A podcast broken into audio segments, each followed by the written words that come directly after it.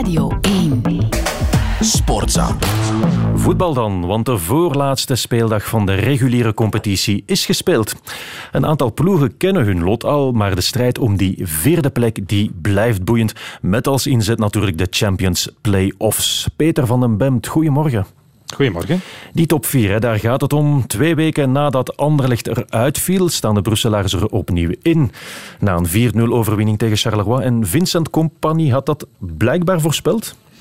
Ja, uh, na de nederlaag in Gent was dat uh, inderdaad. Uh, dat niet alle ploegen, dan bedoelde hij Antwerpen, Anderlecht en Gent, 6 op 6 zouden pakken. Dus een beetje helder zien. Misschien was het ook wel om zichzelf wat moed in te praten natuurlijk na die late en overbodige nederlaag in Gent.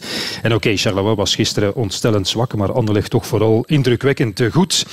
Charleroi werd versmacht door het energieke, gedisciplineerd collectief van Anderlecht. Alles zat erin, moet ik zeggen, in, zeker in het eerste half uur.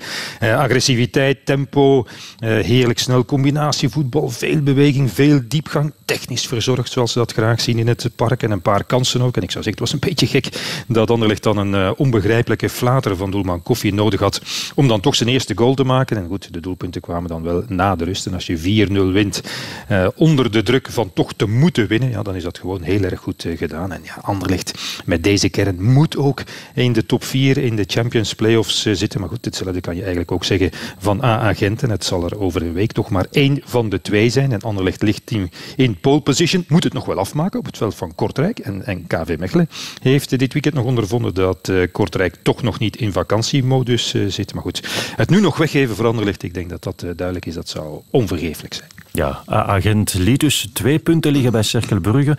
Dat was ook omwille van een andere reden nog een heel bijzondere wedstrijd. Want er was dat eerbetoon aan de betreurde Miguel van Damme. Ja, in deze tragiek heeft de Belgische voetbalfamilie zich toch nog een keer van haar allerbeste zijde laten zien, moet ik zeggen. Met een enorm grote solidariteit over alle uh, ploegen heen. En het eerbetoon van Cerkelen en van Agent gisteren was heel erg mooi.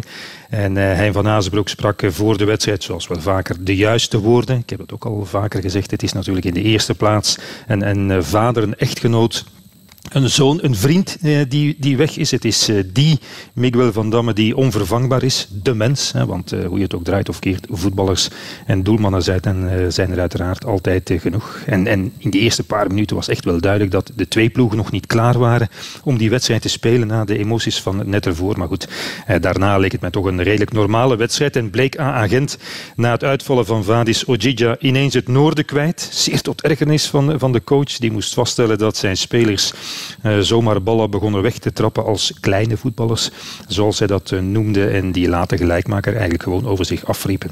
Maar oké, Gent haalt 22 op 24, de laatste acht wedstrijden. Dat is gewoon een kampioenengemiddelde. Het kwaad is natuurlijk vroeger op het seizoen al geschiet in die matchen waarin het al die kansen eh, de nek omwrongen die dan verloren gingen, zoals thuis tegen Antwerpen bijvoorbeeld. En dat is zonde, want AA Gent eh, met zijn goede voetbal hoort ook gewoon thuis in play-off 1. Alleen er zijn maar vier plaatsen, zoals we weten, dus iemand valt eruit. Ja, inderdaad. En een andere ploeg bovenaan dat klassement is Antwerp. Antwerp dat zich wel verzekerd heeft van de top 4 met een overwinning in Leuven. Is dat dan met de hakken over de sloot?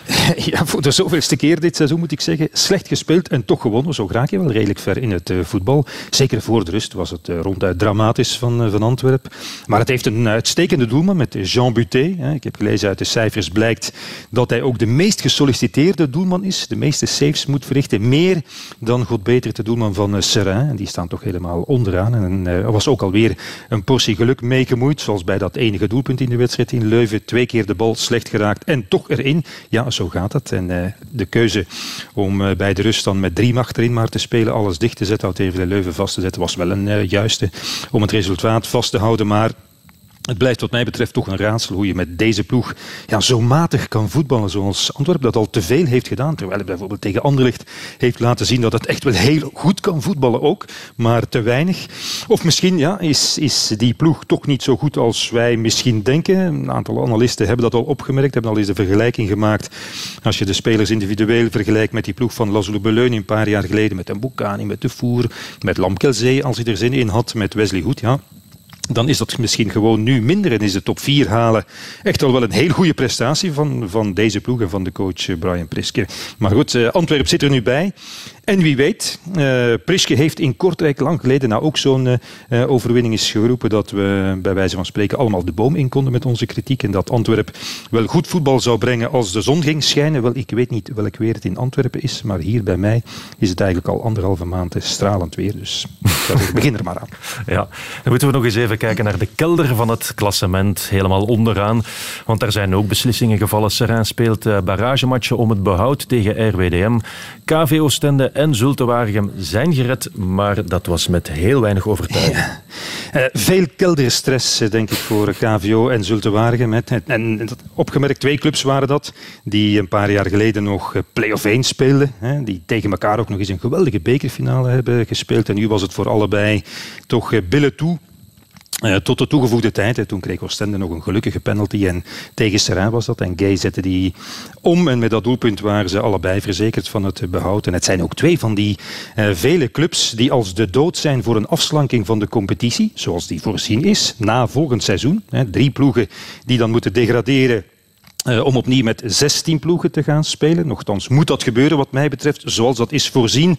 Het is een eerste nieuwe uitdaging voor de nieuwe CEO Parijs om niet te zwichten uh, voor het lobbywerk de komende tijd. Maar we gaan zien of hij dat, uh, dat hij, voor elkaar krijgt. En excuseer, er kwam overigens ook goed nieuws voor Yves van der Hagen verheugend, maar wel een beetje verrassend.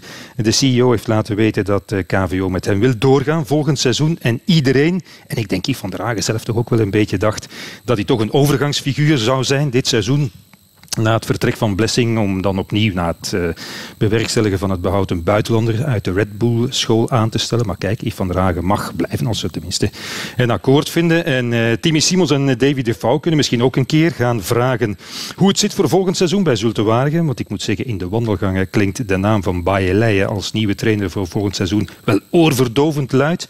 En in Waregem wordt dat voorlopig met klem ontkend. Maar ik weet dat in het voetbal dat niet altijd een grote betekenis heeft. Maar goed, we zullen de komende tijd wel zien wat er van aan is of niet. Maar ik vind wel dat Timmy Simons en David de Vouw met hun verdiensten voor de club nu het behoud verzekerd is, mogen weten waar ze aan toe zijn. Een update over het voetbal was dat. Peter van den Bemt, bedankt. Sportza.